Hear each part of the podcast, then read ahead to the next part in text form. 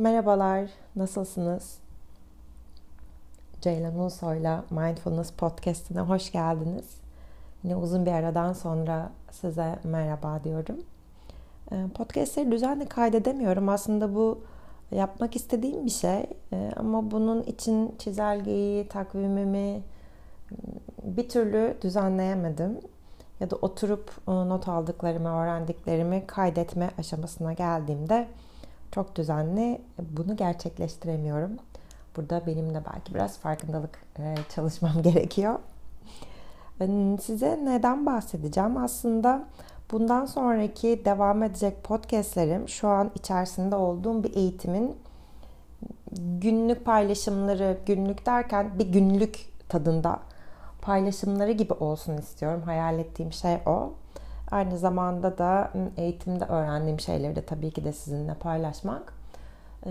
Amerika'da bir merkezden farkındalıkla beslenme Mindful Eating merkezinden alıyorum bu eğitimi ve şu an biz eğitimin 3. ayındayız. 3. modüldeyiz. Mayıs ayı itibariyle. Ben de normalde eğitim başladığında eş zamanlı olarak bu podcastleri kaydetmeyi aslında istemiştim. Öyle bir niyet etmiştim ama gerçekleştiremedim. O sebeple eş zamanı yakalamak adına biraz bu aralar sık e, kayıt yapabilirim. Sonrasında da e, eğitimle beraber aynı süreçte podcastlerde ilerler e, diye umut ediyorum. Eğitimde ilk önce birinci modülümüz mindfulness'tı. E, farkındalık ve meditasyon hatta ikisi bir arada ve bu webinarda bu ilk webinarı e, Lynn Rose yönetti. Lynn Rose anlattı, e, paylaştı bilgilerini. Lynn Rose e, Amerika'da yaşayan bir klinik sağlık psikoloğu.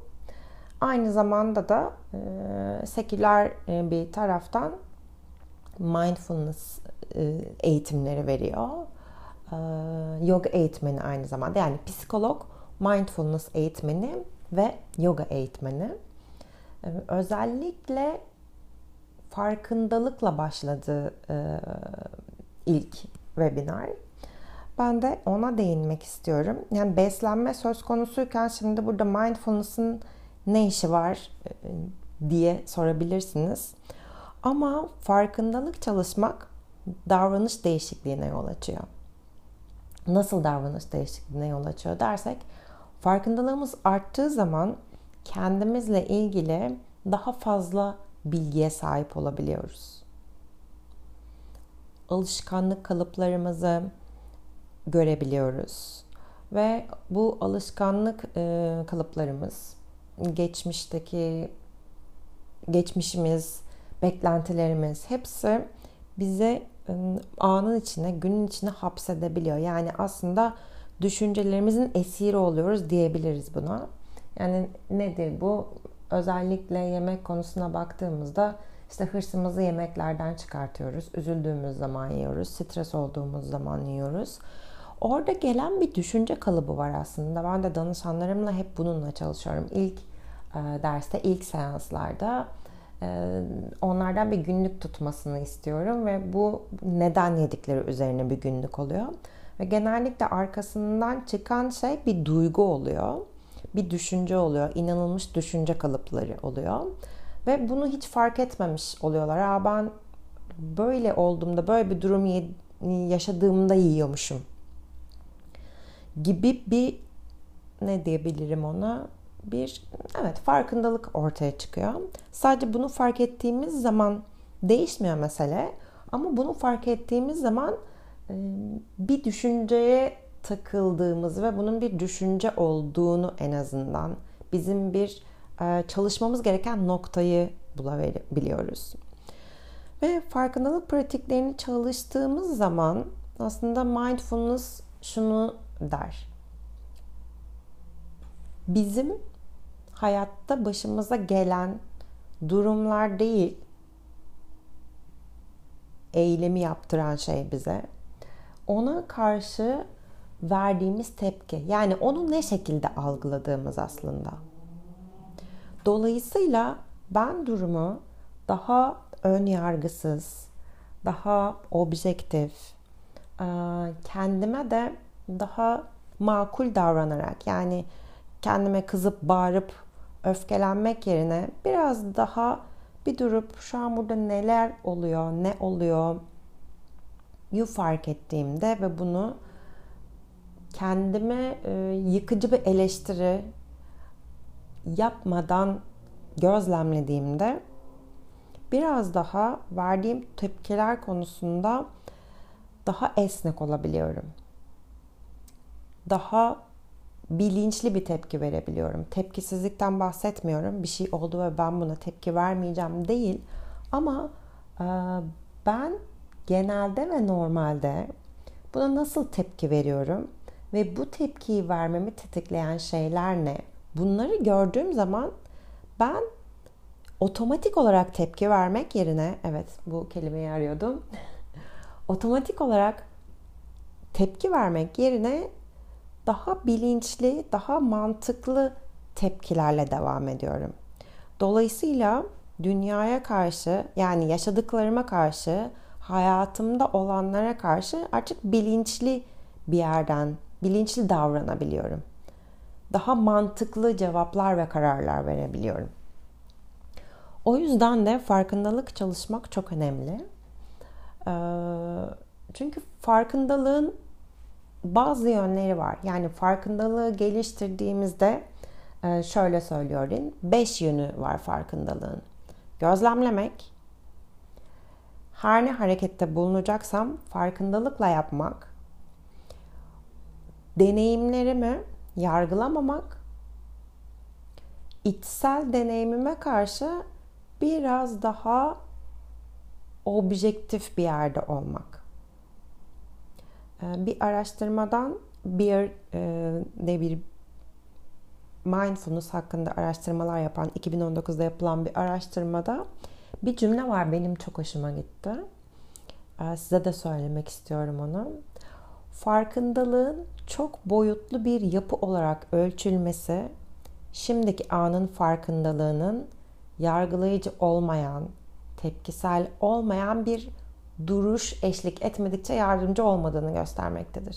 Yani bir durum var, yaşadığımız bir durum var, bir alışkanlık var değiştirmek istediğimiz ben eğer o davranışıma yani bir şey oluyor ve yine bunu yapıyorsun neden sürekli bunu yaptın bir tepki olarak kendimi sürekli suçluyorsam bu benim değiştirmek istediğim alışkanlık hakkında bana hiçbir şekilde yardım etmiyor. Ve işte farkındalık bizim yeme alışkanlıklarımızı değiştirdiğimizde, değiştirmek istediğimizde burada devreye giriyor. Ben bilerek, isteyerek şimdiki anıma dikkat veriyorum. Her ne oluyorsa duruma dikkat veriyorum. Yargılamıyorum, sadece gözlemliyorum. Ve gözlemlerime dayanarak tepkilerimi kontrol edebiliyorum. Davranışlarımı kontrol edebiliyorum.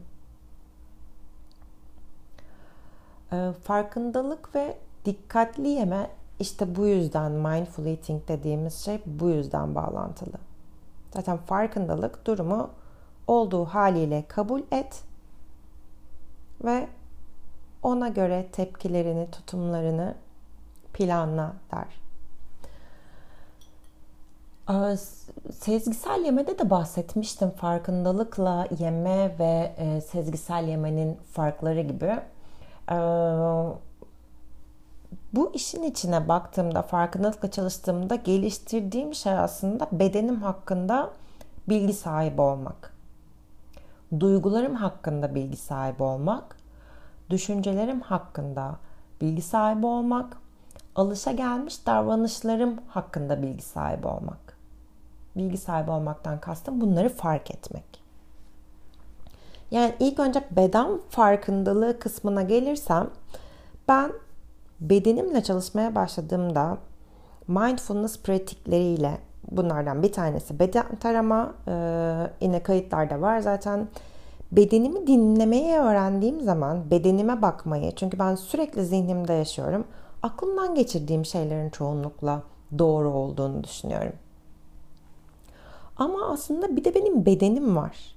Yani sadece hareket etmek için yaratılmış bir şey değil bedenim. Ondan aldığım sinyaller var. Yani mesela üşüdüğüm zaman üstüme bir şey giyiyorum. Tuvaletim geldiği zaman tuvalete gidiyorum. Bunların hepsi beden farkındalığıdır. Ve bedenimle ilişki içine girdiğimde bizim en çok yakındığımız şey sanırım doyduğumu bilmemek ve acıktığımı bilmemek. Doyduğumu bilmemek çok fazla diyet sektöründe de kullanılan işte cümlelerden bir tanesi. Ama bir diğeri de acıktığını fark etmemek. Ben danışanlarımda en çok gördüğüm şeylerden bir tanesi açlığını fark etmemek. Yemek yemeyi unuttum. Yani o kadar zihnimle ve işimle meşgulüm ki bedenimin hadi acıktın ye deme sinyalini bile görmezden geliyorum. Aslında duymamak değil görmezden geliyorum. Beslenme işin içine girdiğinde en çok gördüğüm şeylerden bir tanesi temel ihtiyaçlarımızı karşılamamak. Bunlardan bir tanesi acıktığımızda yememek. Mesela uyku, yeterli, yeterli miktarda uyku almamak. Başka şeyler için uykudan fedakarlık yapmak.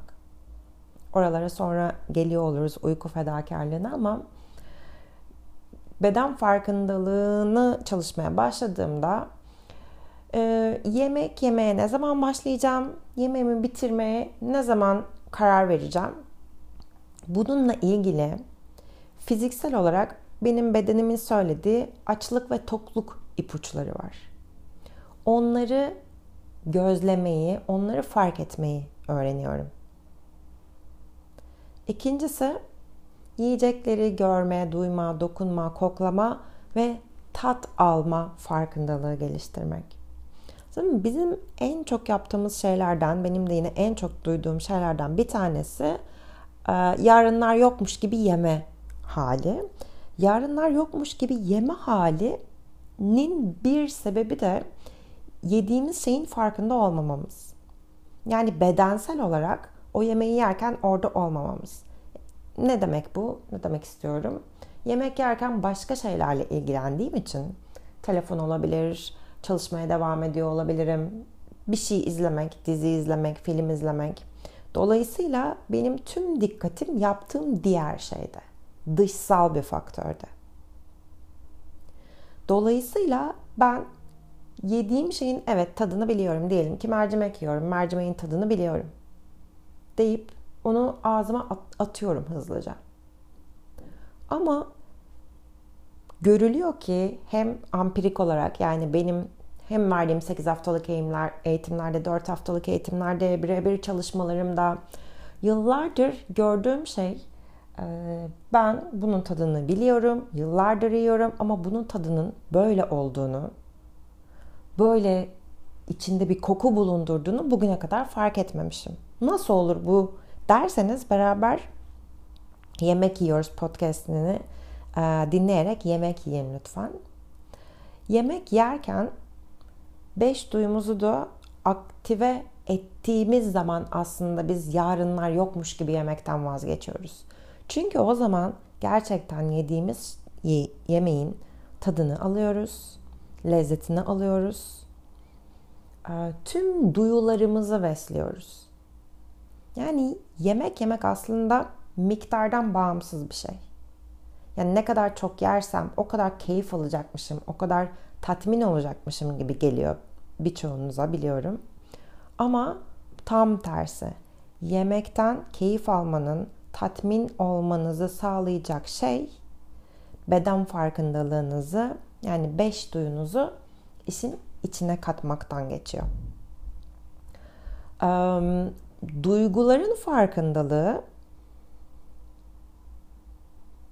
bizim bir de yiyeceklere verdiğimiz bazı tepkiler var ve bu diyet sektöründen geliyor aslında ve uzun yıllardır bunları okuduğumuz için dinlediğimiz için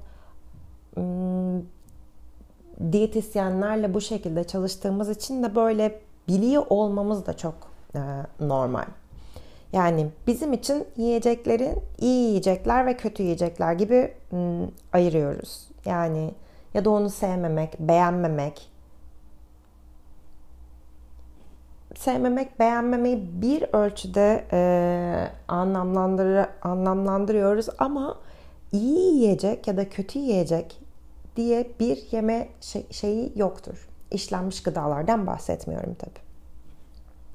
Ama makarna zararlı bir şey değildir. Mesela karbonhidrat almak gerekir. Karbonhidratlar tamamen kötü değildir. Ee, geçenlerde spor hocamla dedim ki uyandım ve e, yazdım. Çok, hasta hissediyorum. Antrenmanda aslında o kadar ağır değildi. Ne olmuş olabilir acaba? Ee, dedim. Bana bir gün önce neler yediğimi saymamı istedi. İşte kahvaltıda peynirimi, zeytinimi, yumurtamı, e, işte yeşillik varsa onları e, yediğimi söyledim. İşte öğlen genelde sebze, sebzenin yanında e, karbonhidrat, ekmek ya da salata ekstra olarak yediğimi söyledim. Ama o sırada ona ekmek ve yanında yediğim neydi hatırlamıyorum şimdi pilav yemiş olabilirim. Belki de makarna yemişimdir. E, hatırlamıyorum. Onu söylemeyi unutmuştum. Spordan sonra yediklerimde işte et yemiştim. Salatası vardı yanında. E, ve ekmek vardı sanırım. E, dedi ki karbonhidrat tüketmiyor musun dedi. Yo tüketiyorum dedi. Aa, söylemedin dedi öğlen yemeğinde sadece sebze yediğini söyledin dedi. Çünkü sadece sebze yemiş olsaydın bu senin için yeterli bir beslenme olmayacaktı dedi. Ee, yediklerine dikkat et dedi. Yani kendini doyurduğundan emin ol. Bu bir spor hocasının bakışıylaydı. Diye, diyebilirsiniz ki tabii çok efor sarf ettiğin için çok iyi e, yemen gerekiyor. Fazla yemen gerekiyor. Aslında olay bunun dışında. Farkındalıkla beslenmede de şöyle bir şey vardır. Kendinizi doyurun. Eğer öğünlerde yeterince beslemiyorsanız kendinizi yani sizin bir araba olduğunuzu düşünürsek eğer arabaya yeterli benzini koymuyorsanız akşama sizi eve götürecek bir aracınız olmayacaktır. Çünkü benzinin bitmiş olacaktır. Beslenme de yemek yemek de aynen bu şekilde. Yani besleyici, doyurucu öğünler yemek. Ve Aa, karbonhidrat kötüdür deyip onu işin içine katmamayı a, düşünmeden yani o yüzden yiyecekler iyi ya da kötü değildir. Stanford Üniversitesi'nden de gıda sürdürülebilirliği ve mindful eating eğitimi almıştım. 2020'ydi sanırım. Stanford'ın hocalarından bir tanesi Maya, Maya Adams. Evet. Ee, şöyle diyordu. Aslında beslenme bu kadar komplike bir şey değildir. O sezonda, o mevsimde sizin bölgenizde, yaşadığınız bölgede her ne sebze, meyve çıkıyorsa onları alın ve tüketin. Hepiniz kinoa yemek zorunda değilsiniz. Hepiniz avokado yemek zorunda değilsiniz. Siz kendi bölgenizin yiyecekleriyle, besinleriyle takip ederek, bu besinleri takip ederek beslenmenizi bu şekilde devam ettireceksiniz diyordu. Şimdi duyguların farkındalığına dönersek e, demiştim ki ben danışanlarıma yazmalarını istiyorum. Yemek yemeyle ilgili o özellikle o yemekle ilgili motivasyonlarınızın farkındalığı, gıda ile ilgili motivasyonların farkındalığı diyor Lin buna e, bizim webinarda. Yani oradaki e, durum ne, duygu ne? Bunları e, bilmekten bahsediyor. Bir de düşünceler var, düşüncelerin farkındalığı. Burasının çok önemli bir yer olduğunu düşünüyorum. Ben de danışanlarımla çok fazla çalışıyorum burayı.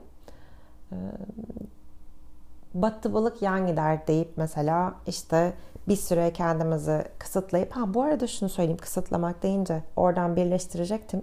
Sonra e, slayta bakarken orayı unuttum. Eğer yeteri derecede beslemiyorsanız kendinizi işte öğle yemeğini geçiştiriyorsunuz ya da sabah kahvaltısını geçiştiriyorsunuz. Aç olsanız dahi geçiştiriyorsunuz. En önemli faktör de burası. Bazıları kahvaltı etmeyi sevmiyorlar. Kendinizi beslemediğiniz zaman şöyle bir şey duyuyorum. Ve bunu soruyoruz. Ya bütün gün çok iyi gidiyor. Akşam eve geldiğimde Allah ne verdiyse yiyorum.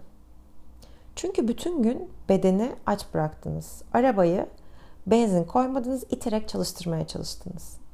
Dolayısıyla fullemeniz gerekiyor bir yerde o aracı. O bütün günün eksikliğini akşam kıtlıktan çıkmışçasına yiyerek tamamlamaya çalışıyorsunuz. Yani o yüzden gündüz bir şey yemeyeyim, akşam da hafif geçiririm, böylece kilo veririm düşüncesi çok yanlış bir e, düşünce. Ve aynı zamanda hormonlarınızın dengesini de e, bozuyorsunuz. Bunu da Sevgisel Beslenme kitabında e, Evelyn Tribole hangi hormonları, bedeninizdeki hangi hormonların kimyasını bozduğunuzu çok güzel anlatıyor. Orada bakabilirsiniz ya da merak ederseniz bana Instagram'dan yazabilirsiniz ya da mail atabilirsiniz. Ben size o sayfaların fotoğraflarını gönderirim. Tüm danışanlarım genelde şöyle oluyor. İlk hafta başlıyorlar. İster istemez bir kilo haliyle kilo verme isteğiyle geliyorlar ve ben kilo verme isteğiyle gelenleri aslında kabul etmiyorum. Çünkü yaptığımız şey bedenle ilişkilenmek, yemeklerle olan ilişkimizi e, düzenlemek. Kilo meselesi sonrasında gelen bir şey. E, dolayısıyla onlar da bana bunu söylemeyip ikinci hafta itiraf ediyorlar. e, diyorlar ki, diyorlarmış ki işte ben birazcık diyet yaparım o 5 kiloyu veririm. Aynı zamanda farkındalıkla beslenmeyi de öğrenmiş olurum. Ee, ama ben tabii eğitimler arasında ya da birebir seans alıyorsa buraları da paylaştığımda hemen bunu itiraf ediyorlar. Biz böyle düşündük ama bedenime ne yapıyormuşum, neler yapıyormuşuz deyip bunu fark ettikçe, okudukça ben de eminim ki yaz geliyor bile olsa tekrar bir diyet yapmak istemeyeceksiniz. Ee, bu diyet mantığına beslenme meselesi, kilo meselesi hep diyet mantığıyla özdeşleştiği için bizde şöyle bir şey oluyor. Ya hep ya hiç. İşte bir süre boyunca hiçbir şey yemiyorum. Belli bir gıdayı hayatımdan çıkartıyorum. Sonrasında bir parça bile almış olsam ah diyorum ya artık her şey bozuldu. Her şey mahvoldu. Artık ye sonra e, telafi edersin. İşte bir şey duymuştum. Vicdan çorbası diye bir şey duydum ve gerçekten um, buna şaşırdım demek şaşırdım da değil. Hayretler içerisinde yani korku dolu bir hayret bu. Hayret dediğim şey. Buna inanamamıştım. Bu çok kendimizi yaralayıcı bir şey. Ee, öz saygımızı yitirmemize sebep olan, suçluluk duymamıza sebep olan, kendimizi sürekli ittirip kaktırdığımız bir şey. Ee, beslenmede öz şefkat çok önemli. İhtiyaçlarımızı gidermek çok önemli. Kısıtlama kesinlikle yok farkındalıkla beslenmede. En çok e, kafaları karıştıran konu da ben yediğim şeyleri kısıtlamayacaksam nasıl düzenleme düzenleyeceğim beslenmemi işte bu bunların hepsi farkındalıkla çalışarak, çalışarak oluyor. Hatta Amerika'da bir danışanım var. E, iki gün önce bir seansta e, her zaman diyet yapan birisiymiş ve ve her zaman da tartılırmış. Ee, iki haftadır mindful besleniyor. Farkındalık çalışıyor. Farkındalık pratiklerini yapıyor. Ve normalde bunu yem, yani kısıtladığı şeyleri de yemeye başladı. Ee, ve şey dedi, iki haftadır böyle yiyorum ama kilomda bir değişiklik de olmadı. Ve buna çok şaşırdım dedi. Çünkü açlık tokluğunu izliyor. Açlık tokluk sinyallerini izliyor. Beş duyuyu işin içine katarak yiyor. Dolayısıyla aslında otomatik olarak o kendisi hiç farkında olmadan porsiyon kontrolü yapıyor ve istediklerini yiyerek. Dolayısıyla bu düşüncelerin farkında olmak ve bunlarla e, çalışmak önemli konulardan bir tanesi. E, ve biz bunlara sadece zihnimizde zihinsel olarak bir şeyler yapmıyoruz. İşte düşünceleri fark ettik, onları nasıl değiştireceğimiz çalışmak değil. İlk önce başladığımız yer beslenme çalışmasında resmi farkındalık uygulamaları dediğimiz pratikler. Yani oturma meditasyonları, dikkatli yeme, beş duyumuzu işin içine katarak yeme, e, vücut taraması, beden taraması ve eğer istiyorsanız mindful bir yoga yapmak.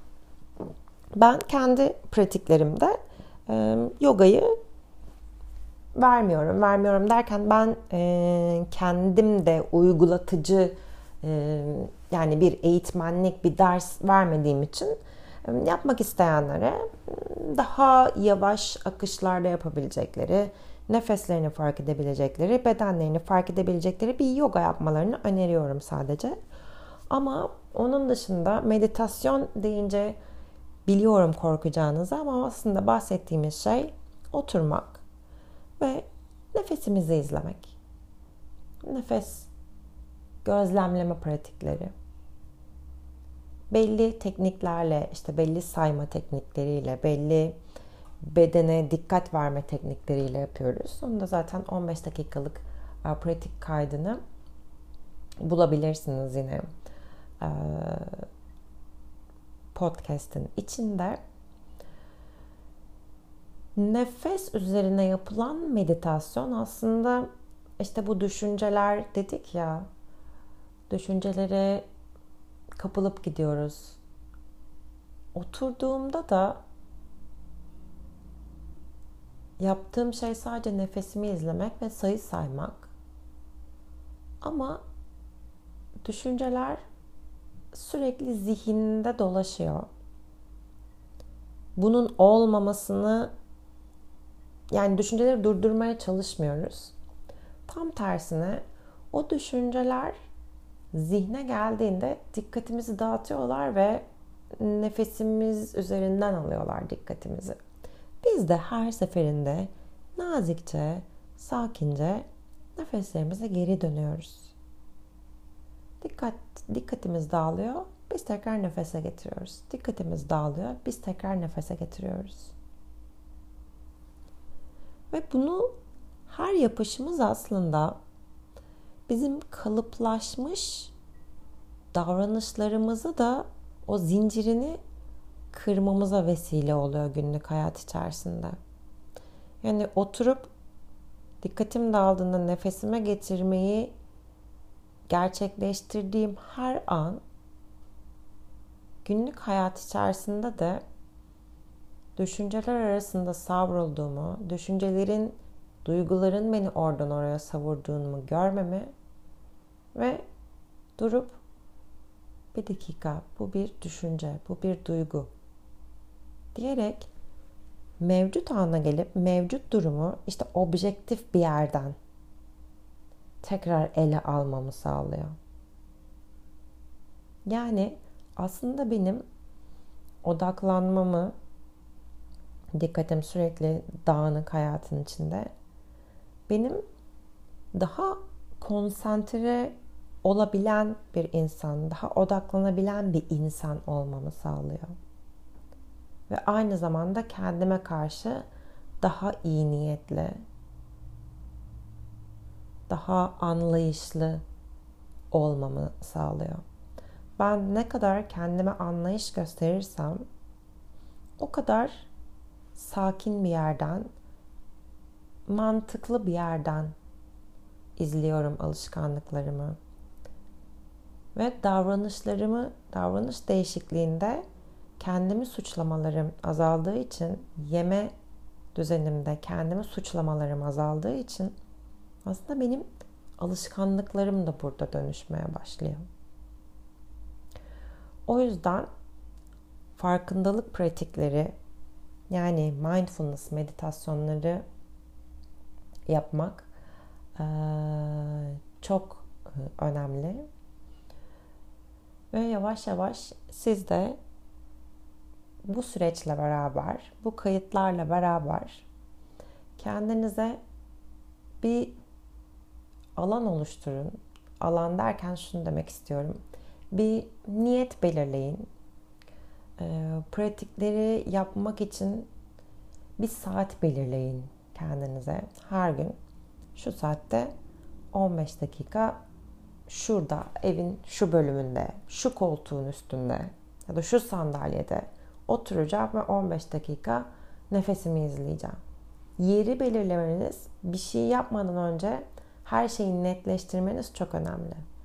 Her gün aynı saatte aynı pijamalarla akşam yapıyorsanız ya da sabah uyandığınızda yapıyorsanız aynı koltuğun sandalyenin üzerinde aynı şekilde. Ve insanlara da etrafınızdaki bunu anlayabileceğini düşündüğünüz insanlara ya da öyle birisi yoksa bana bunu yapacağınızı hangi günde, hangi saatlerde yapacağınızı yazabilirsiniz. Ee, çünkü birine bir şeyi söylemek aslında o kişiye karşı sorumluluk e, kazanmanızı sağlıyor ve insanlar yani biz e, psikolojimiz gereği yalancı durumuna düşmek istemediğimiz için e, o söylediğimiz şeyi yerine getiriyoruz. Bunu da bir e, İkna'nın psikolojisi kitabıydı yanılmıyorsam. Orada okumuş olabilirim. Ama çok net, pardon çok özür dilerim. Orada okumadım tabii ki de. Ee, Atomik Alışkanlıklar kitabında e, okudum ve aynı zamanda bunu e, geçen aylarda bir sağlık psikoloğu olarak Lynn de söyledi. E, e, ondan önceki sene de yine Center for Mindful Eating webinarlarında farkındalıkla beslenme çalışan psikolog Cecilia hmm, söylemişti. Şimdilik bu kadar. Bir hayli uzun konuştum. Aslında bunu bir giriş e, podcast olarak kaydetmeyi düşünmüştüm daha kısa bir şekilde. Ama özlemişim herhalde. Şimdilik bu kadar. Bir sonraki podcast'te biraz mindfulness üzerine bizim de e, konuştuğumuz, eğitim üzerinde tartıştığımız e, bazı araştırmaları sizinle de paylaşıyor olacağım. Eğer 15 dakikalık meditasyonu bulamazsanız da bana yazabilirsiniz ve ben de size iletiyor olurum. Görüşmek üzere. Haberlerinizi bekliyorum. Hoşçakalın.